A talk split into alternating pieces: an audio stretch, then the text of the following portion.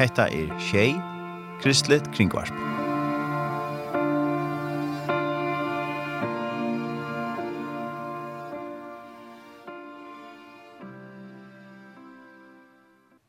Velkommen til en sending her i Stodi Tjei i Havn. Og nå færer vi at tåsa engst, og først har vi den neste løtene. Vi færer tåsa om OM, og OM Ships, og det er tennestene til Taimon, Kipa tennestene til OM, og vi tar finner vidtjen av den arena, and then we have uh, some guests here in the studio. Uh, can you present yourself? Uh, my name is Silen. I come from South Africa and I've been working with OM Ships for a few years now. My name is Flavio. I come from Brazil and I've been uh, working with the ships for 10 years. And it's actually my second visit to uh, Faroe Islands. I was here in um, 1984. Uh, no, 2000, 2004. 2004. That's it. Sorry, 2004 with the doulos. So it's a privilege to be back. Yeah. So a long time. long time ago. Yeah. yeah. Jeg var kommet nesten der han. Takk for det. Eh, og han tykker meg så at omsettet til for först. Ja, tacka sin sammen om. Ja, så de som ikke skiljer så lengst kunne få oss vi. Yes. Det som gikk fyrs tjokk, nere det. Um, I'm just uh, going to talk with uh, Daniel first about uh, why you're here in the Faroes. Um, uh, nu uh, er också själva skrånen nu till Favichan här uh, yeah. av OM. Ja, vi har uh, första år så har vi det som vi kallar för en Logos Hope Week. Här vi uh, sätta fokus på Logos Hope och samla pening in till att köpa olja till Logos Hope. Och Og det er så løs at uh, ja, det krever sånn det ikke var olje, og okkara mål er så at eina fyrir om året ta og i ta logos opp til olje inn, uh, eller bunkrar, så, så skal ta ta være gold i urfølgen. Og det, det har vi klare her til. Og vi dattla fortsatt av tog, så, så vi, vi uh, feras rundt, vi først og fremst fyrtøkker og, og, og de som flere djeva og, og spyr om det og hotlet. Fortsett av tog, og så, så har vi noen møter og stedet og skriva sosiale miler og tjokken minne folk og stola og så opp. sov. Mm. Og takk ikke så fyrir at leisa vikna? Ja, at leisa vikna og den 16. parsta nast vik ja. ja. Det, vi kallar det for Logos Hope vika, men det er ofta 12-12 fyrstandig. Ja, ja. Ja ett litet varspaljös att här yeah. som gick för sig på himmelska mat Yes. Ja. Och det hade just i i något några nu. Det är just i Moxne några nu, ja. Ja. Uh, Miles Taves är en annan, han är 20 och där, men han är i förrjön. Han plejer att komma och detta är hes arsga. hetta är 12 för att Miles är i förrjön. Jag har han var först för, jag har alltid 8 år sedan han var först för. Mhm. Mm være kvørst år utan uh, Mm -hmm. Og ångt i flere firmaer. Ja.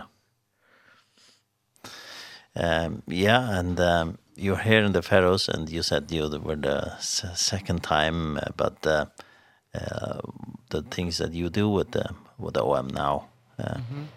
Flavio, uh, the, what is that that you take care of, and yeah, why are I, you why why are you working with this? Although Mm. yeah.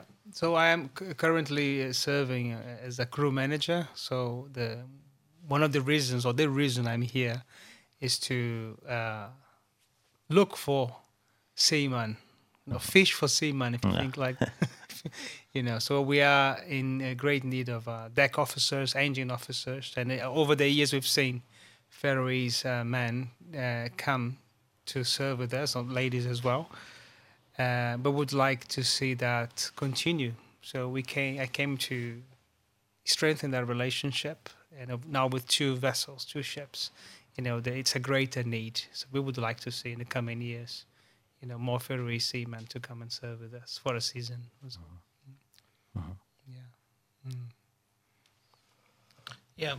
Uh, Flavius med vi och han är han er crew manager så han är uppbyggd av att manna skipen i sjokken og, og, og se till at uh, enda mal så hon vi är väl här för att notera at, at troll efter showmannen och särliga maskinmannen og skipsføreren til at uh, nå har vi et flere skip så nu er større enn tørre enn tørre større og at jeg får folk til skipene Mm -hmm. Det har vært så häppen at det har, det har varit nok for føringer som har vært vi skipen og tjokken, og vi ødler skipen og tjokken, lukket fra byrjan, altså har føringar vi er ombord, og um, nästan alla tøyina er onke føringar ombord, og vi skulle gjerne gärna fortsätta vi tog ju ganska kom ju upp på att att alla tøyina er minst en förgrund ombord i skipen. Mm -hmm.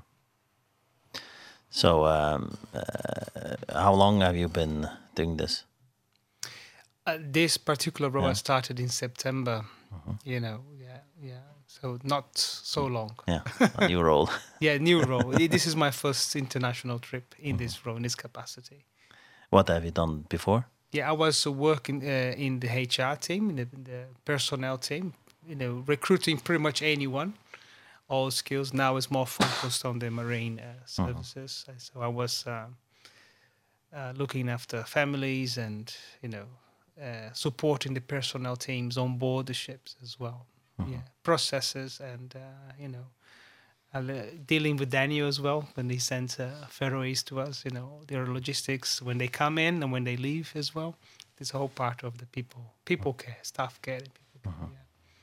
Mm. And uh, you said you were in the Faroes in 2004. Yes. And uh, you have been part of OM for a long time.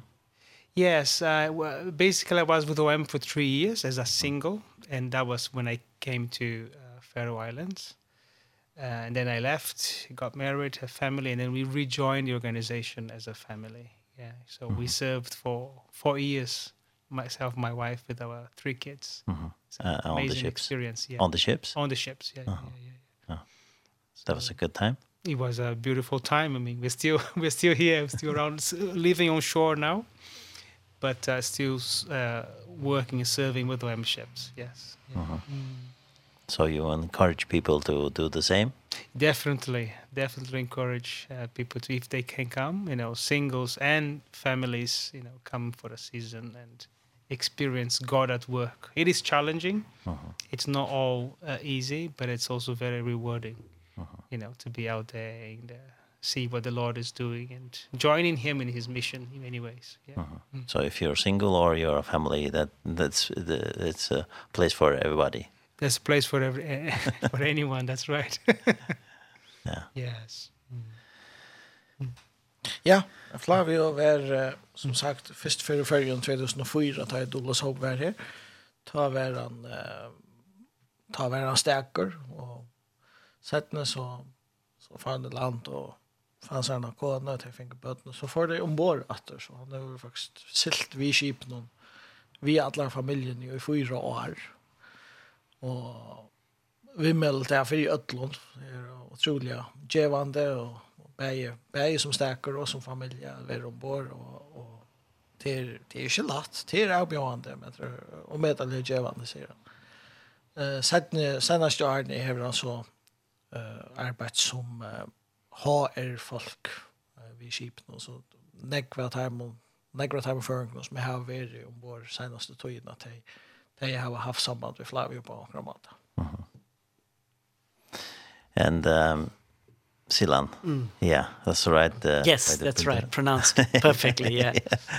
yeah. Um, what is your part of of uh, OM? I I I'm the CEO of uh, OM Ships. I've been doing this job for 6 years right now. So like Flavio, uh, we lived with our family on board uh, the Doulos and the Logos Hope and uh, my kids uh, spent most of their their time on board but now we live in Germany at the ship's head office mm -hmm. where there's a team of about 30 that works there and I lead the organization currently. Mhm. Mm yeah. So you're doing that for a long time? I I've been uh, with OM for about 23 years uh but in this role uh 6 years in uh, in my current role as the CEO, yeah. Mhm. Mm and before that?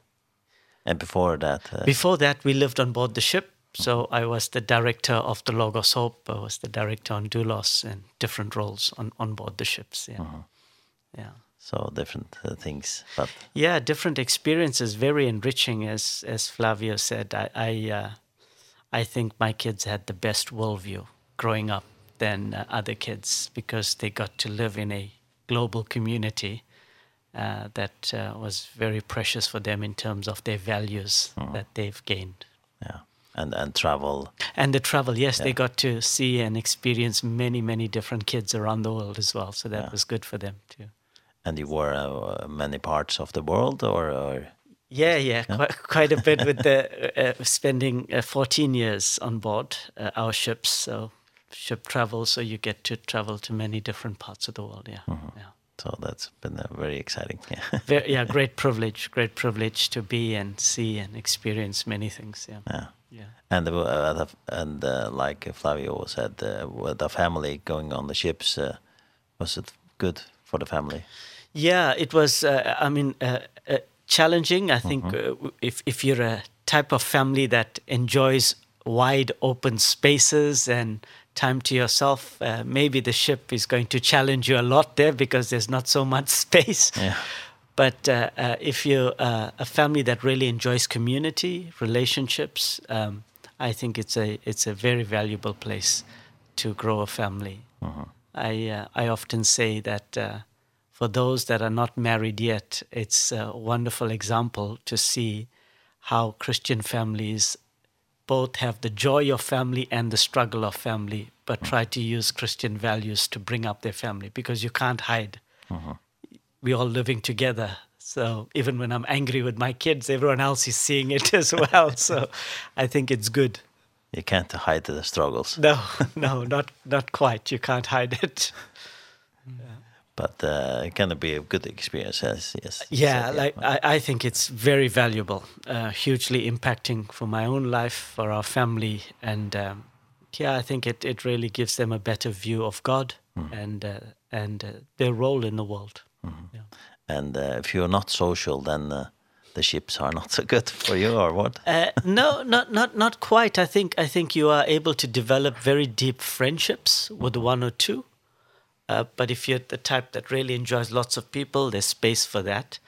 Uh, but everybody grows mm -hmm. in their understanding of God, themselves, their weaknesses, their strengths, uh, and they come away uh, really, really uh, mature, I think, from mm -hmm. the experiences that they have on board. Mm -hmm. Ja, ta. Silan har vært i OM i 23 år nå. Senaste seks årene så har han vært stjåre for skipet hennes. Han bo i Mosbakk i Tyskland sammen med familiene. Og har så avbyrd av, av ødlån som har vi skipene gjør av. Eh åren här så bor de ombord. Första år ombord av skeppet och första Dolos Hope och så nej första Dolos och så Logos Hope.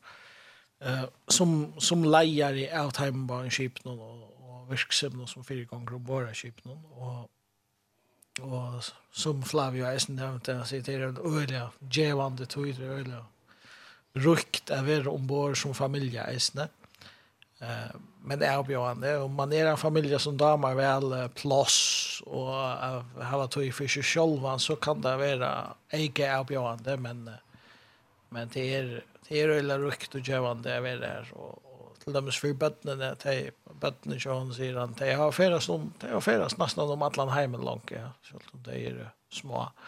Så er man färdats jo, særlig at man er så långt bort så ser man en veldig stor parst av hemmen og man ser man slipper å oppleve store äh, imiska mentan när man man livet tatt sammen med folk och slipper uppleva kusse hvordan, är så imiska mentan när är jag istne og, og och tam tam men det ta erbjuda det men men to lär eller något att tro. Mhm. Og, og Eisne, eisne, det er livet ombord, og en så er marskere en plass som, som familie, altså, til, här här är det inte stäga gojma sig så ta ta man är ett litet böttna så så vidare alla andra sånt här att du är ett litet böttna så så som var till till avgörande för det men till är snäm en go at, att att växa och och tjå runt att söka hvordan, hvordan leva vi hvordan gera vi detta familjeliv och vi tar med kristna vi och det är det är så skönt lätt det är lätt att lätt att lära av. va. Mhm. Ja. Och sen där socialer och om man inte är socialer så blir det väl vara mer eller ja. Ja, det är sjående det är nu Logos Hope är ju 400 folk om år. Det är ju gamla norrarna. Det sägs ju självt att ta vi där ta vi där trångt. Alltså här är ju inte rum och gå i massa. Men Så om man är en social person så, så är det gott att vara. Men hos man inte är ganska till att man är mest sociala. det syns man mer introverster så så ber det väl till alltså till till kan spänna några djup vinnarbond vi får personer och och här är det plats till att stretcha sig åter till tojer och och man av. Mhm. -hmm. um now you're here in the Faroes and uh, what's the purpose of your visit here in the Faroes? Yeah, it, this is my first ever visit to uh -huh. the Faroes, so so really excited to be here because uh, the ship uh, OM Ships has a long history of relationship with the Faroe Islands. Of course, the Logos Hope used to sail in these waters, but even before that, uh, we've had, as Flavio said, seafarers serving with us for many, many years. Uh, for a smaller nation, I say the impact of the pharaohs is much bigger mm -hmm. uh, than some of the larger nations in the world, uh, particularly because of the long relationships the the seafarers. So we are we are here to be part of the Logos Hope Week uh, and uh, support. I'm here to support Flavio and Miles to really encourage uh, seafarers, engineers, officers to consider and pray about serving a time with us few months maybe a year or two mm -hmm. and uh, and then also over the years the Logos uh, the Faroese Christian community has been very gener generous financially to help us uh, cover the fuel costs some of the fuel costs mm -hmm. to sail the ship from port to port and and this is why we are, I'm here this week as well mm -hmm. uh for the sponsorships of fuel Silan sier till att han, han helt först för han är i förrjun, men han är här tror at att det er en lång søva i middelen och en förrjar och nei, middelen och en och förrjar. Um, Långt fra de aller første kipen så var förrjar ombord och så det Logos Hope som vi tar nu är den gamla norrna som plädjer cykla här. Sjölta första skipet låg och så är är omanlax som plats i cykla mellan Grönland och Danmark och så silt fram i färjan alla.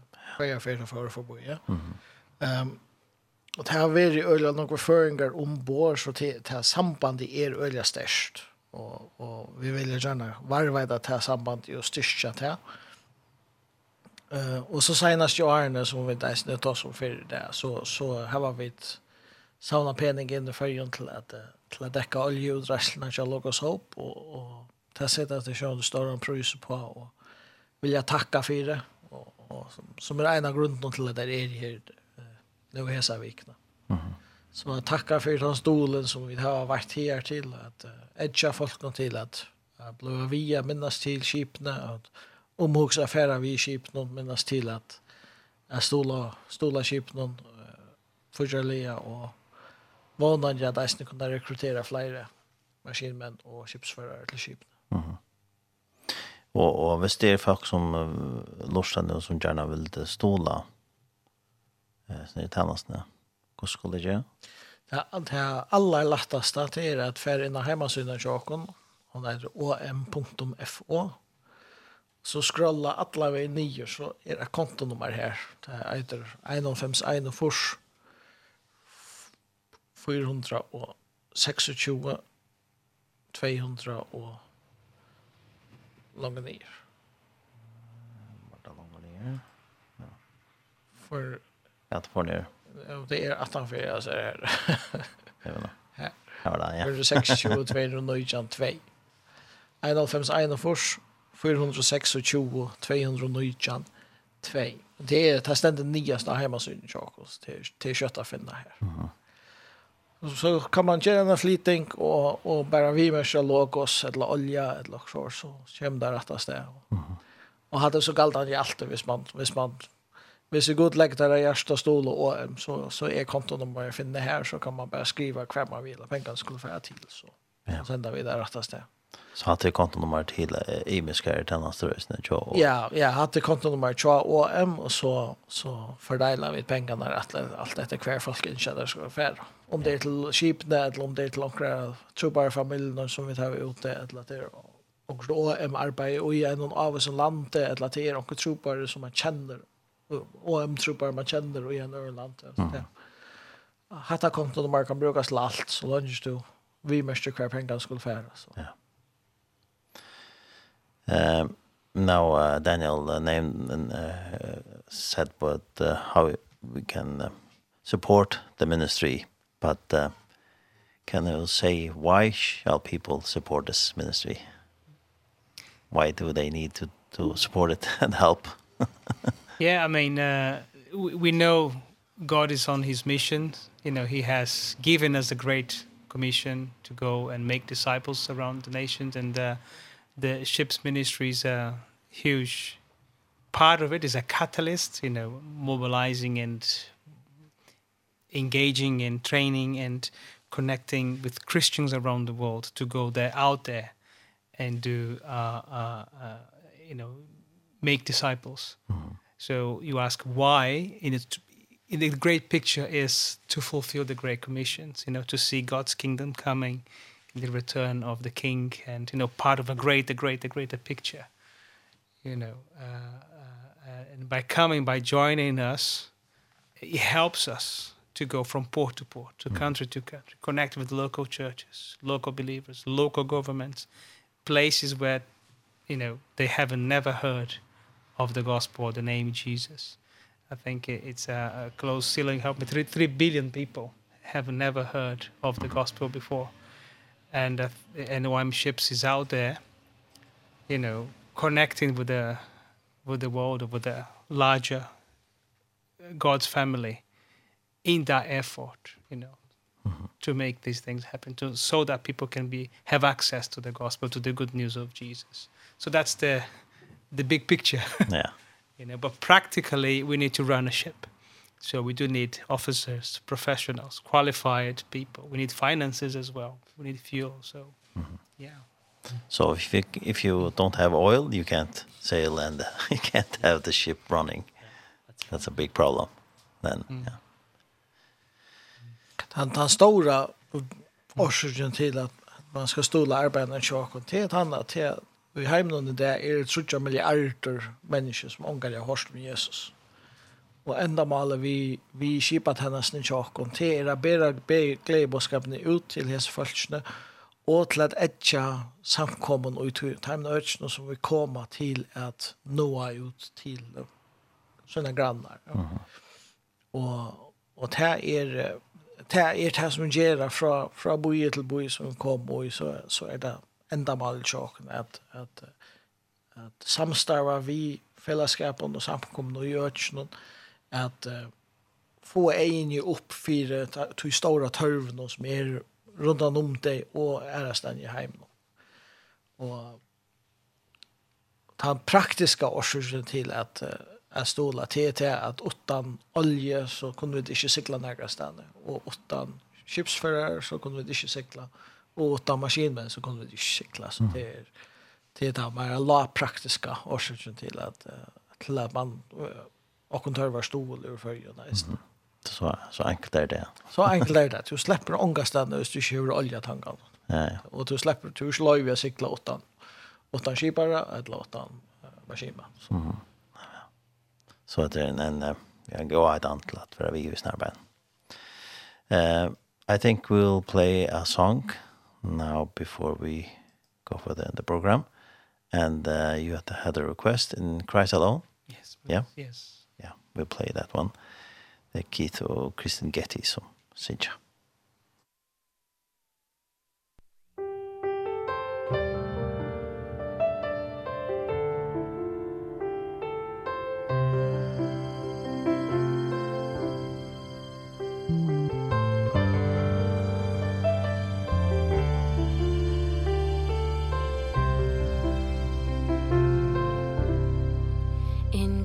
Christ alone my hope is found. He is my light, my strength, my song. This cornerstone, this solid ground. Firm through the fiercest drought and storm. What heights of love, what depths of peace. When fears are still, when strife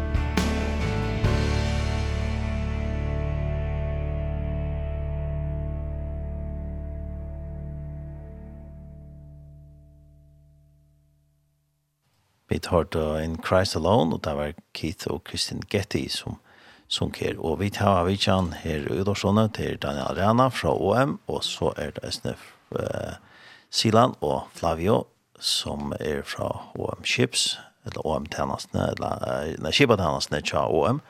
Her er det grattisen fra arbeidet og tjenestene som tar stand og i.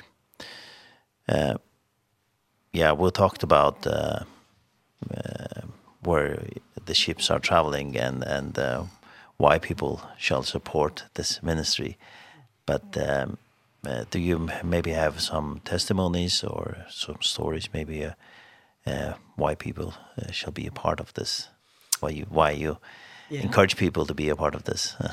Yeah, I think uh, one of the the impacts of the ship visit to different parts of the world uh, is uh, they get to experience a a global Christian community uh, that comes to their port. Uh, Logos Hope has about 400 people generally living on board that currently represents 70 different nations uh, where Ukrainian and Russian are living side by side. Mm -hmm. Algerian, Egyptian are living side by side, all with a common focus, love for Jesus and a desire to see more people experience his love.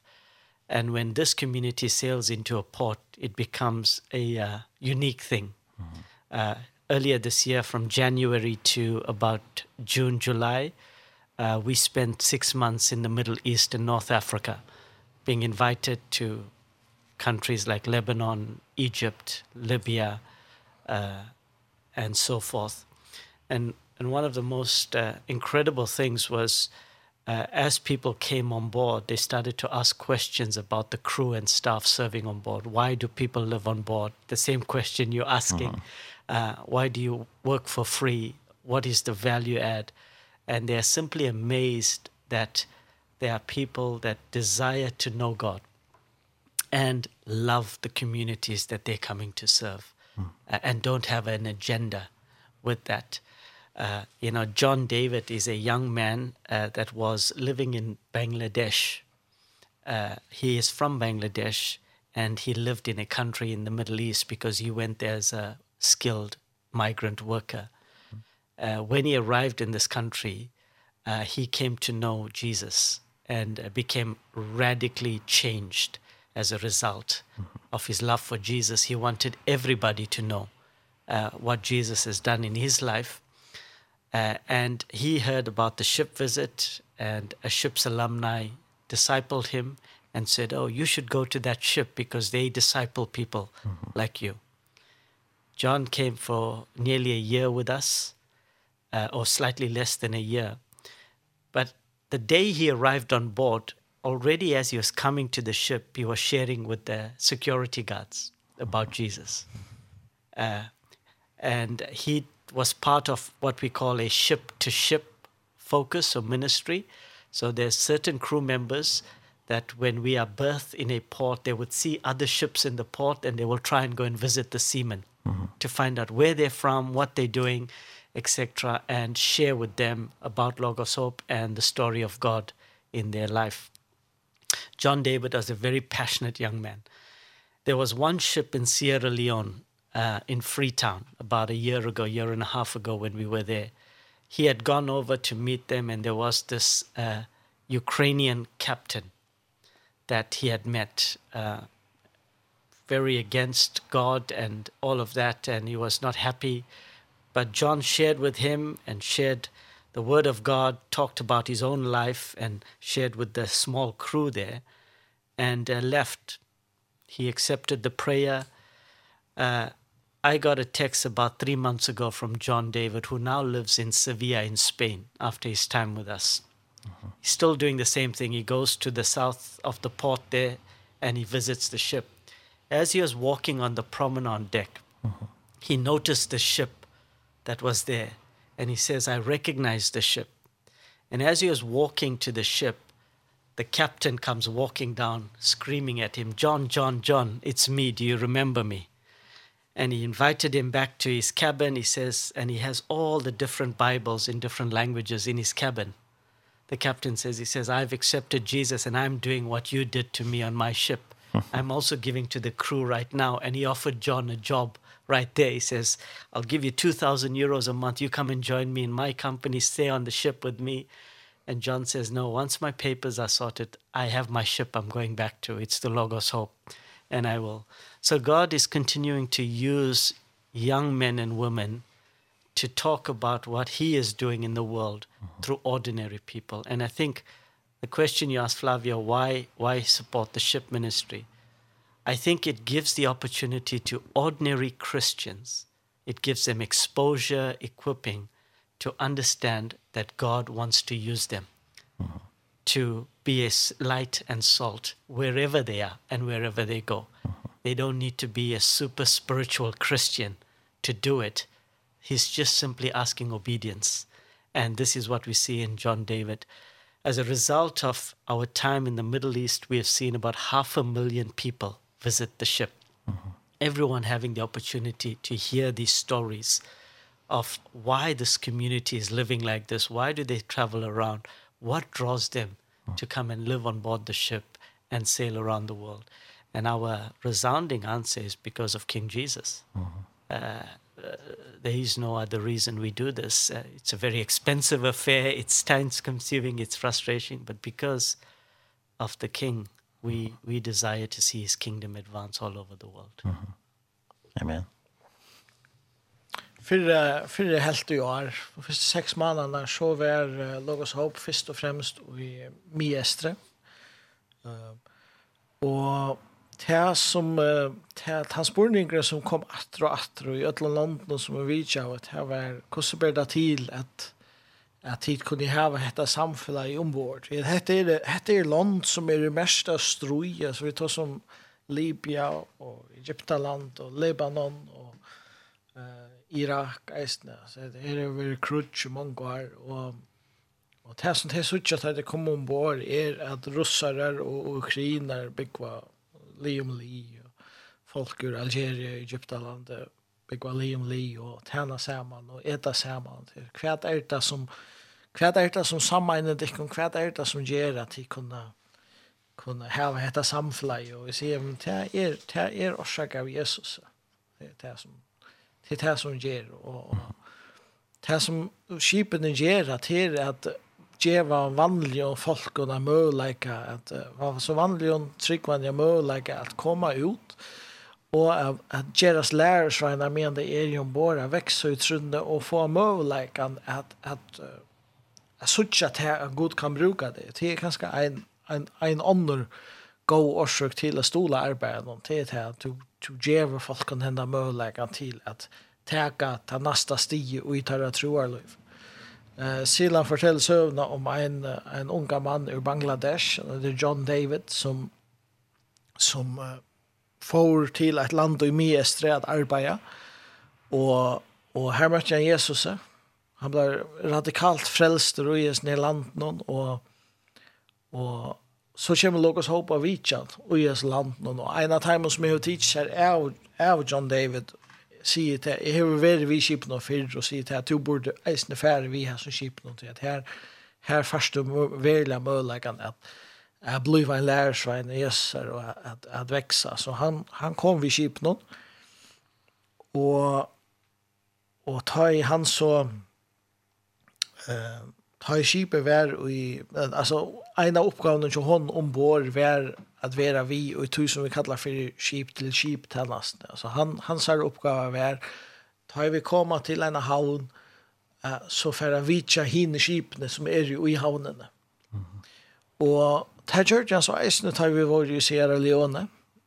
Han för i land här han möter en skipe och för ombord och till en en skipare ur Ukraina. Och han ger det som han plejer göra. Han fortell dem hvor han er her, han fortell dem om Jesus, han blir fyrt dem, og så fer han i landet. Og, og hesten skiparen, han var, han var ikke åpen, han var harst imot ned, og, og, men han takket i fire og var høflig og, og sendte han av sted. Uh, John David, han har så bosett seg i Sevilla i Spania, at han har at uh, skipet var her.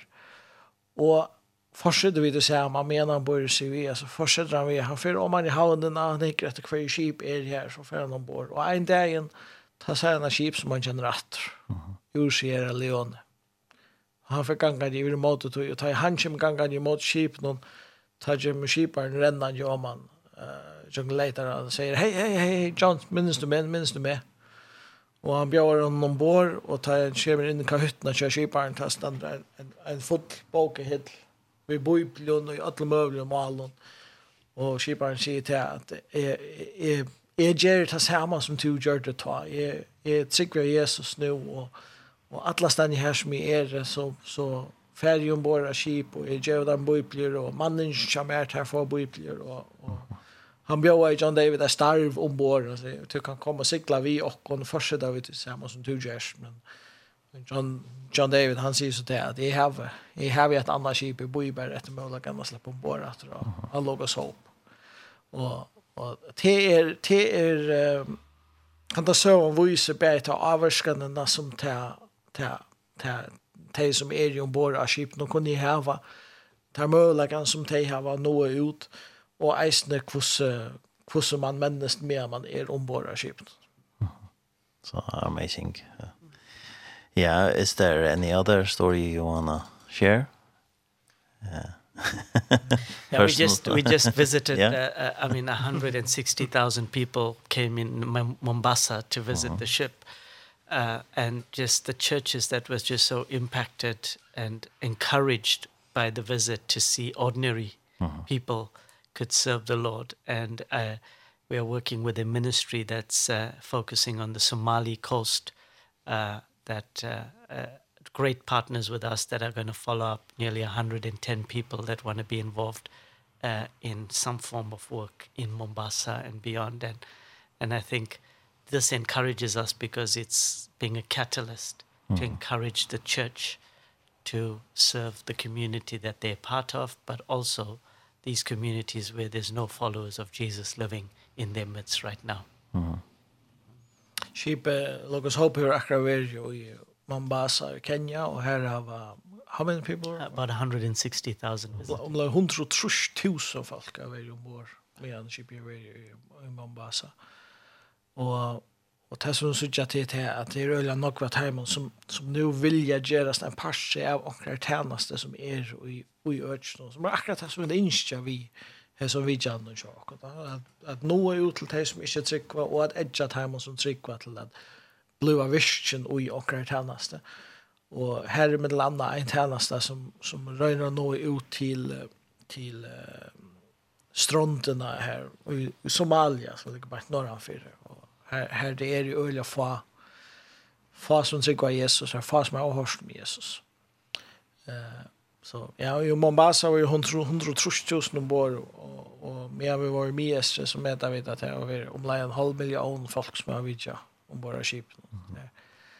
Det det är ju störst träckplåster. Det är nog folk som kommer ombord och det det är verkligen en en öjla god möjlighet i chocken att nå nå ut. Mm. Bätel sig kvar, jo is sig kvar. When uh, the ships are in uh, all these countries, uh, what do they do? when they're in, in the harbor? Well, it's uh, each visit in each location is a bit different, but generally we connect with local organizations as we, and we partner with them, local churches and local partner organizations, uh, sending teams to the different parts of, you know, that might be visiting churches, visiting a school, orphanages, and uh, sometimes practical work, helping painting or rebuilding uh, a, a place. Uh, and we have uh, on-board events as well. Mm -hmm. It could be educational events like local schools would come and we have many, many kids coming, especially on Lagos Hope, which is I have a, a big uh, uh, conference center. Uh, and we would have a pastor's event, a church leaders event, or youth event. So it can be very dynamic. So at the same time, the let's say the crew is working in the deck or in the engine there is an event happening upstairs there are probably 10 teams out so there are so many things happening at the same time. There is a team visiting the next ship so and uh, perhaps our director is engaging with the local government and uh, maybe the captain the the officers are engaging with the port authorities. Mm -hmm. so we are pretty much touching many aspects of the community of that society in many ways you know? Mm -hmm. So yes, it's very dynamic and it's uh, very unique in many ways. Yeah. Mm -hmm. Many different things. Yeah. Mm. Uh -huh. Ja, skipen ta til den imus som henter ta skipene koma og i havn og alt.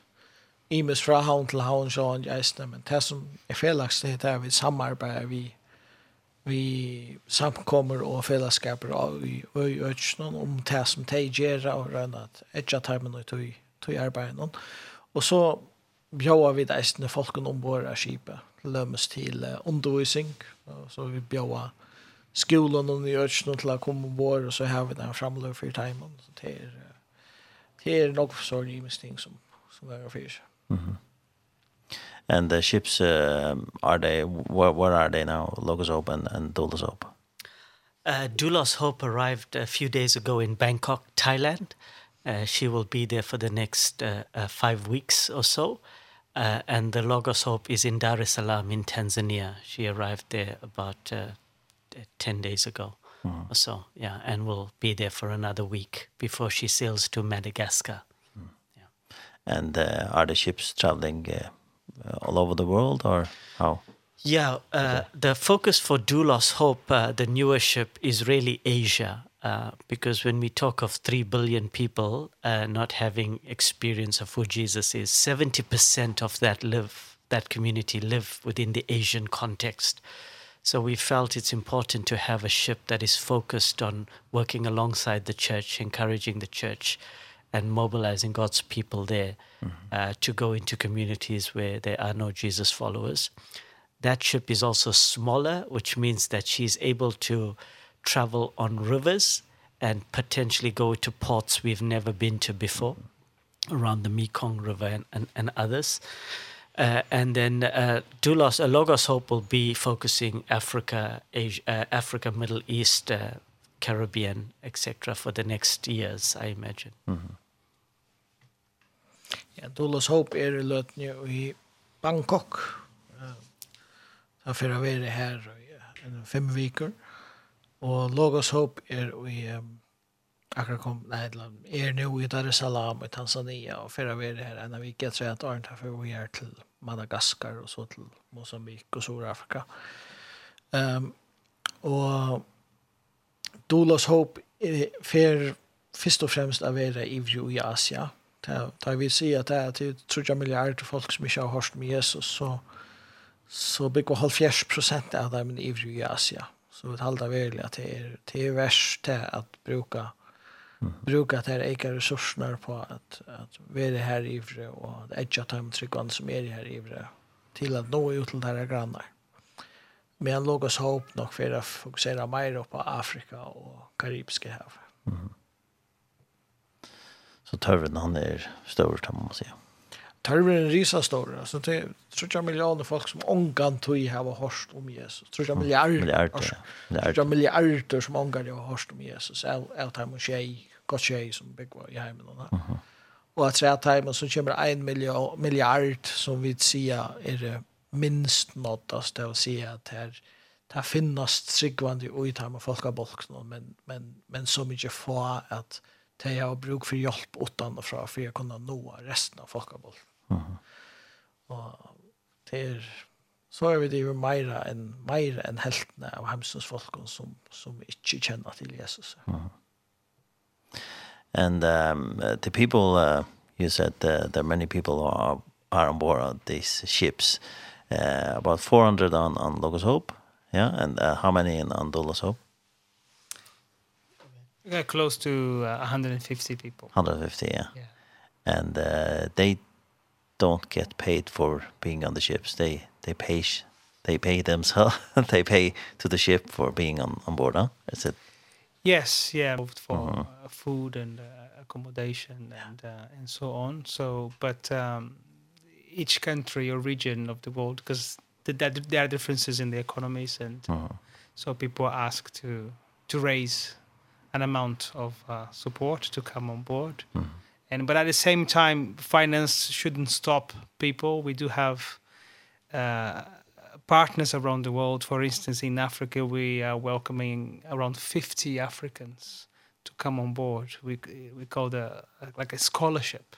They could come for 3 months 6 months 2 1 1 in 2 years you know and there are people fundraising for them to come because they're coming from communities that they're not able to to raise the full amount. They still bring a little bit. Mm -hmm. We challenge them to, to, to, to local churches and families to raise something.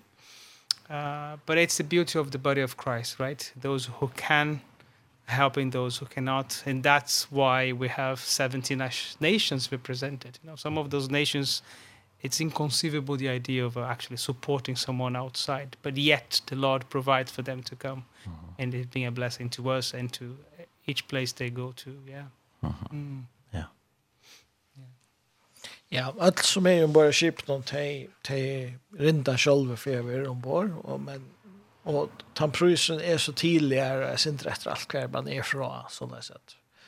Men man hjälper kvar när jag ser inte det. Men, uh, men, men stadvägt här är många som verkligen kunde huxa sig för ombord som, som all absolut onga möjlighet hava för det var var till det och ta ta röna vi så att att stola folk och ge färd ombord. Akkurat nu så är det nu är logos upp i Afrika och och tog hava vi ett uh, åttak her vi røyna samla pening in till å bjóa holdsrush afrikansk pastor og att at kom ombord, være ombord av skipene någon i, och i några månader och det och få fänga det här i som, som kipjäsne ber. Mm. Och det men, men Felix för öll som är ju ombord är det att det är onkel som stolar där men från som, som hjälper dem att bära kostnader. Mhm. And there are uh, uh, people from many different countries on, on the ships and, and uh, how um, is that they working for, for people? How, how uh, they start in the morning and what do they do in these times when they're on the ship. Yeah, I mean, people start work uh, early in this morning. Breakfast is around seven o'clock in the morning. And they will have uh, devotion. And each day is different. Sometimes as the whole ship's company coming together and uh, having a devotion or a teaching session. Or sometimes there will, other days of the week, they will gather in smaller groups, having Bible study groups. Or they will gather in their departments, like the deck department will have the devotions and the galley, the kitchen, then we have the devotions together. And uh, yeah, and we have prayer night on the Thursday night and the Sunday services. This is uh, the internal events that happen. And, and, and of course, you have your working hours, usually 40 hours a week, eight hours a day. Uh, but it's a 24-7 operation. So some there are shifts as well, especially if you work in the engine room, you do night shifts. And of course, the deck is they have... Uh, the the night watches as well. Uh, uh, but people do have their free time, so they engage with their friends, they play games, or they go out uh, with local uh, friends that they make, because we do have uh, local volunteers coming and help, working on board with us for the duration that we are in a port. And it's a good opportunity for us to make friendships as well.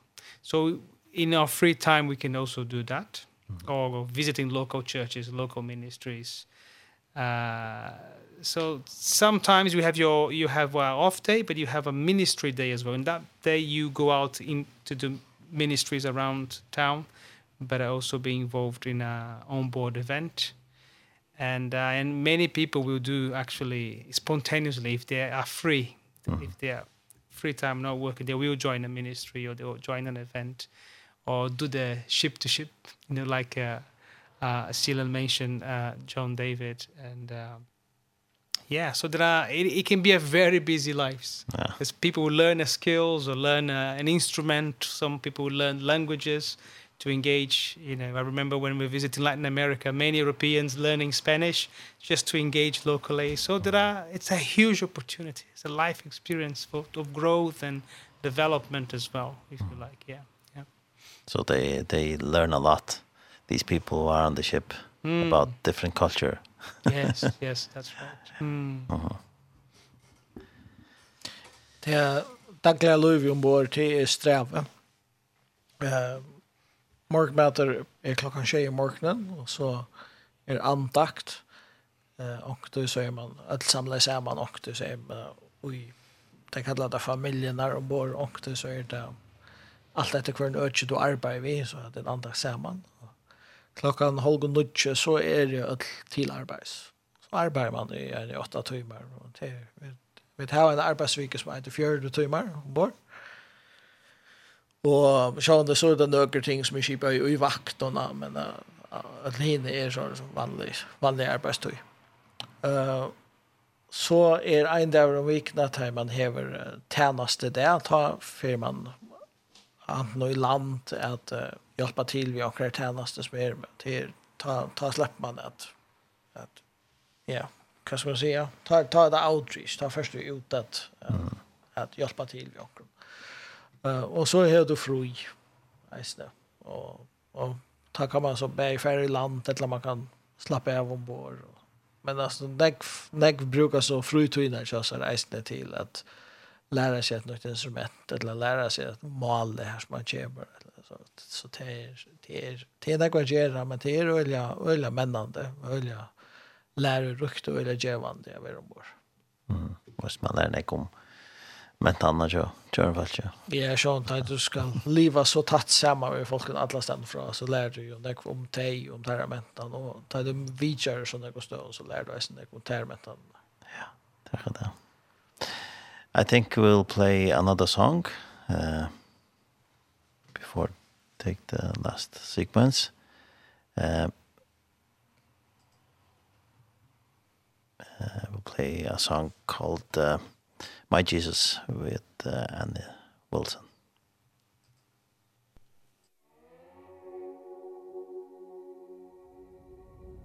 Are you past the point of weary? Is your burden weighing heavy? Is it all too much to carry? Let me tell you about my Jesus. Do you feel that empty feeling? Cause shame's done all it's stealing And you're desperate for some healing Let me tell you about my Jesus He makes a way where there ain't no way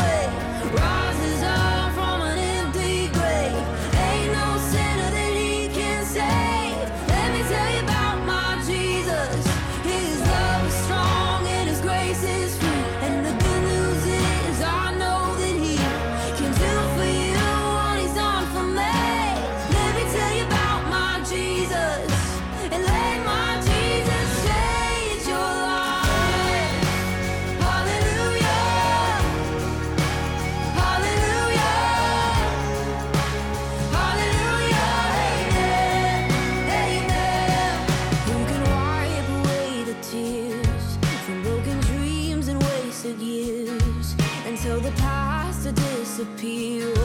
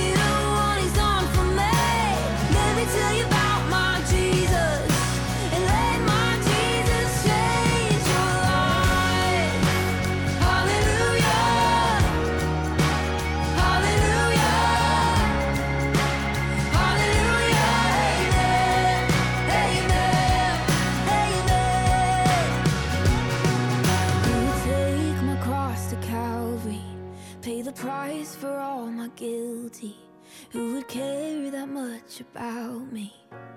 Let me tell you about my Jesus. Oh. He makes a way where there ain't no way. Right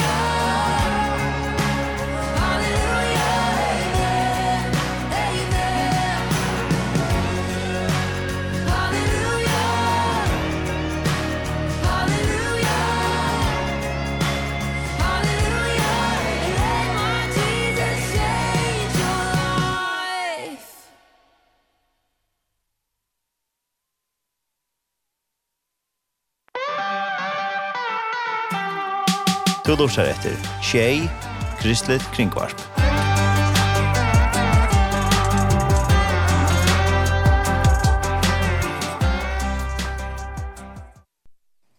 Jeg var det Ann Wilson som sang My Jesus, og vi tar av vidtjen av det arena, og så er det Øystein fra OM Chips, tjenesten til OM, det er gratis fra eh, arbeidet til Taiman, og Det er Flavio og Silan som kommer uh, fra OM, som er videoførgen i Nekadier, og har gratis inn fra arbeid til dem.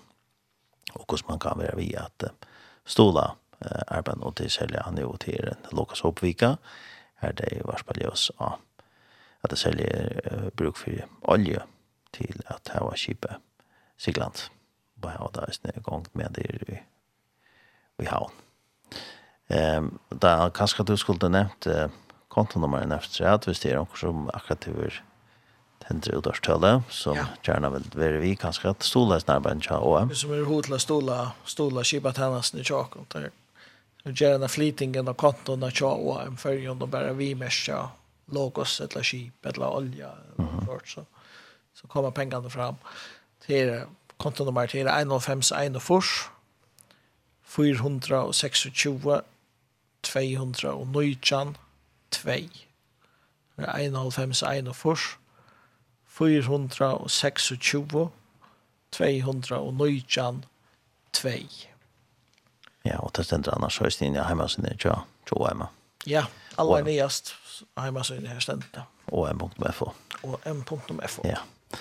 Uh, you guys are here in a couple of days, and uh, you're gonna be on meetings or... Uh, uh, talking with people or what are you going to do the next days? Yeah, meeting many different people. Uh, uh, and really, I think the overall goal is to encourage everybody we meet, uh, particularly for Flavio as well, is uh, uh, we know that uh, seafarers love their work here. It's an important part of life. And uh, our message to them is that uh, they can do what they love on a ship that communicates the message of the gospel globally. Mm -hmm. And uh, we want to really encourage them to consider coming to serve for a season with us mm -hmm. in their professional skills and then encourage those that continue to give companies that give financially for the fuel if they would continue to do that for this year as well. Mm -hmm. So, yeah. Mm -hmm. Yeah. Yeah. Enda mal vi we have here is at uh, vidja folk, at hitta folk, og at edja dem om til at blå parsa av hisen arbeid, og at vi at stola til fortjallega, at vi er ferdig ut. Vi vet at det at det er noen showmenn i fyrrjun som er stoltre av vi arbeider som det gjør, som elsker det arbeidet som det gjør, og vi vil jo bare bjøa dem og ta mølagene at, at gjøre det og i herrens tjeneste, og gjøre det om bare en åkere skip og neisene. Um, I kvöld er så kipa vi så fyrir en takkar kvöld fyrir teg som stola logas Hope og teimen som har vært ombord og er kipen uh, og så sett ni kvöld ta skal Flavio tala og i uh, Bethesda, ungdomsmøtene Bethesda i kvöld, høstkvöldet så Og i annan kvöld, frutja kvöld, ta skal Selan tala av ungdomsmøtene i Philadelphia og i Göte. Det var klokka 9 ta. Og sånn om morgenen tar for Silan eisen jeg tala og i Bethesda. Og vi og, og morgenmøtene her. Mm. Så her kan man komme og helse på der, og eisen prate der, og oss mer. Høyre mer. Endelig kommer man helse på og, og, og høyre mer om, om det arbeid som låg oss opp og dårlig oss opp gjør. Ja. Mm -hmm. ja. Så det er hjertelig velkommen til det. Ja, yeah, is there anything else you want to add before we close? I would like to say thank you for the opportunity to to be here and to share uh, you know about us about the ministry about the visit and uh and just say a huge thank you to the people of Faroe Islands their support and their prayers you know all these years and uh yeah we just hope to continue to strengthen our relationship mm -hmm. and uh, I look forward potentially I'm already looking to ways to come back next year, perhaps in May. You know, uh but I yes, so it is a it's a way for us to strengthen our relationships, you know, and moving forward. Mm. Yeah. Uh -huh. Yeah. This land have you anything about? Yeah, I just continue to encourage uh, uh, the church here to keep uh, doing what they're doing, stay faithful uh, because they're making a difference. Uh. Ja, vi vil ikke tacka tacka och trofaste stolen her i färjan og edja dem til att hålla av til arbeidet som de gjør. Og, og Flavio sier at han gonger langt vid tanken om hvordan han att komma efter nästa år og, og hva man kan gjøre til han kommer Gibravic etter neste år. Mm -hmm. Men uh, først og fremst at, at si takk, og at edja dem til att hålla av i. Vi tykker av oss. Mm -hmm. Yeah, um, I will say thanks for you coming here visiting us, uh, the radio station. And may God bless your work Amen. and and also to stay here in the Faroes and also when you travel back, have a good trip back. Mm. And bless your family also. Thank you. Yeah. Uh, yeah, and uh, also these uh, things that you're going to do in the Faroes and God bless them also.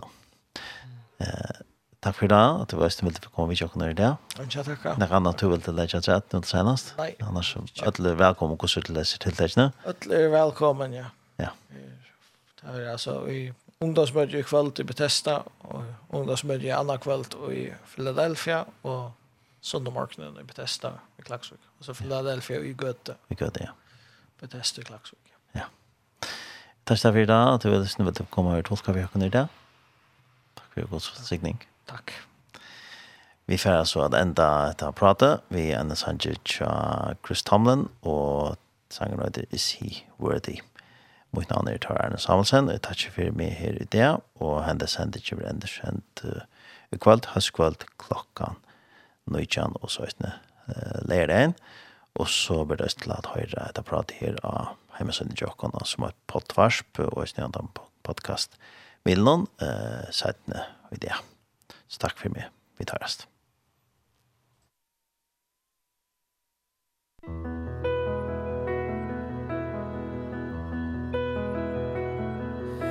Do you feel the world is broken? Do you feel the shadows deepen?